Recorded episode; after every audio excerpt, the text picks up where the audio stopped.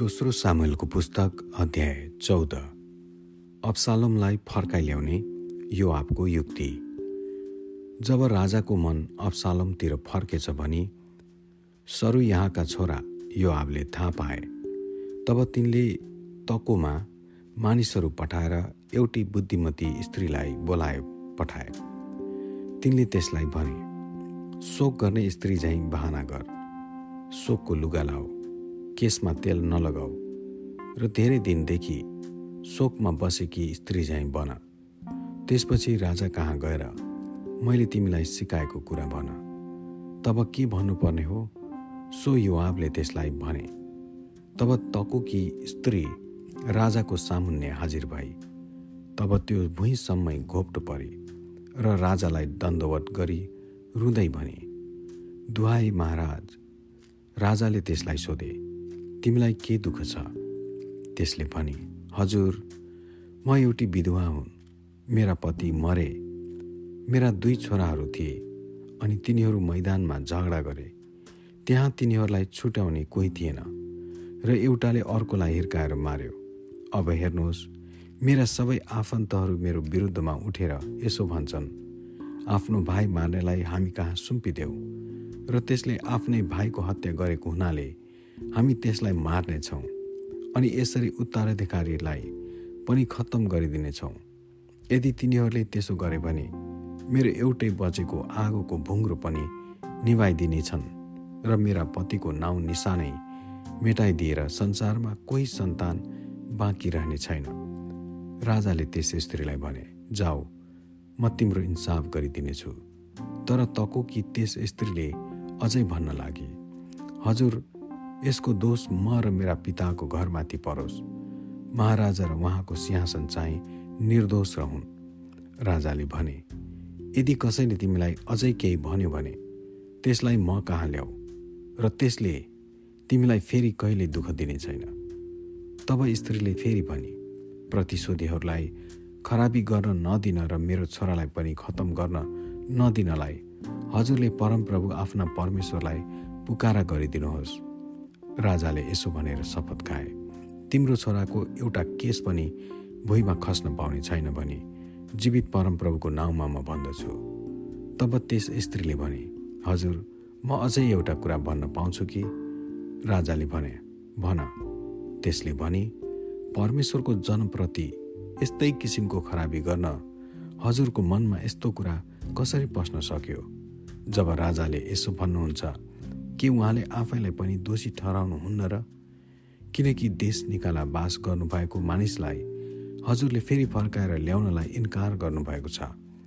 भुइँमा पोखिएर लोप भएको पानी झैँ हामी पनि मर्नु नै पर्छ। तर परमेश्वरले प्राण लिइहाल्नुहुन्न।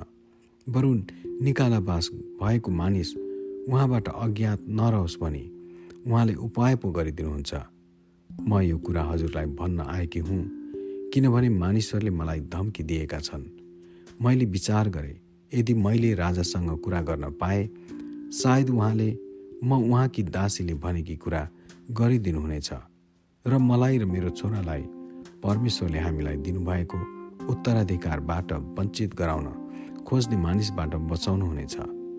अब हजुरकी दासी यो भन्छे मेरा हजुर राजाका वचनले मलाई विश्राम देऊन् किनभने खराब र असल छुट्याउनमा हजुर त परमेश्वरका एक स्वर्गदूत जस्तै हुनुहुन्छ। परमप्रभु हजुरका परमेश्वर हजुरसँग रहन्। तब राजाले त्यसलाई स्त्रीलाई भने मलाई केही कुरा नलुकाऊ। म तिमीलाई एउटा प्रश्न सोध्छु। त्यसले भने हुकुम होस् हजुर। तब राजाले त्यसलाई सोधे के यी सबैमा युवाको हात छ? त्यसले जवाब दिए हजुरका जीवनको शपथ खाएर म भन्दछु जब हजुरले कुनै प्रश्न सोध्नुहुन्छ तब बोल्नेको दाहिने देब्रे फर्कने बाटै हुँदैन। जिउ हजुरका दास युवाबले मलाई यो कुरो सिकाएका हुन् र तिनैले मेरो मुखमा यी सब वचन हालिदिएका हुन्। अहिलेको स्थितिलाई अर्कोतिर ढल्काउनलाई हजुरका दास युवाबले यो गरेका हुन्। हजुर परमेश्वरका दूत चाहिँ बुद्धिमान हुनुहुन्छ अनि देशमा के भइरहेछ सबै जान्नुहुन्छ। राजाले युवाबलाई भने यस कुरामा मैले तिमीलाई मेरो सम्बन्धी दिएँ। गएर त्यस जवान मानिस अप्सुलमलाई फर्काएर ल्याऊ। तब युवाबले नम्रसित साष्टाङ्ग दण्डवत गरे अनि राजालाई आदर प्रकट गरेर विदा हुँदै गए र भने मेरो विनम्र बिन्ती हजुरले स्वीकार गर्नुभएको कारण मैले हजुरको निगाह प्राप्त गरेँ भनी मलाई थाहा भयो। तय तब योआब झट्टै गसुरमा गएर अफसालमलाई एरुसलेममा फर्काएर ल्याए। तर राजाले भने त्यो आफ्नै घरमा बसोस् त्यो मेरो उपस्थितिमा नआओस्। यसैले अफसालम आफ्नै घरमा गए र राजाको सामुन्ने देखा परेनन्। सुन्दरतामा सारा इजरायलमा अफसालम जत्तिकै प्रशंसाको योग्य कोही थिएन। शिरदेखि पैतालासम्म तिनमा कुनै खोर थिएन। जब तिनले आफ्नो कपाल काट्थे किनभने गरौँ भएकोले समय समयमा तिनले आफ्नो कपाल काट्थे। तब राजकीय तौल बमोजिम तिनको केस दुई सय केसल हुन्थ्यो। असालमका तीन छोरा र तामार नाउँ भएकी एउटी छोरी जन्मेका थिए। तामार एक अत्यन्त सुन्दरी स्त्री बनिन्।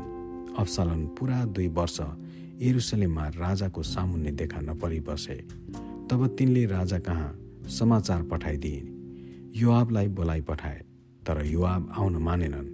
अफसालमले तिनलाई दोस्रो पल्ट पनि बोलाइ पठाए तर तिनी अझै पनि आउन मानेनन्। तब अफसालमले आफ्ना नोकरहरूलाई भने युवाबको एउटा बारी मेरै बारीको छेउमा छ अनि त्यसमा जौँ उम्रिरहेको छ भने तिमीहरूलाई थाहै छ।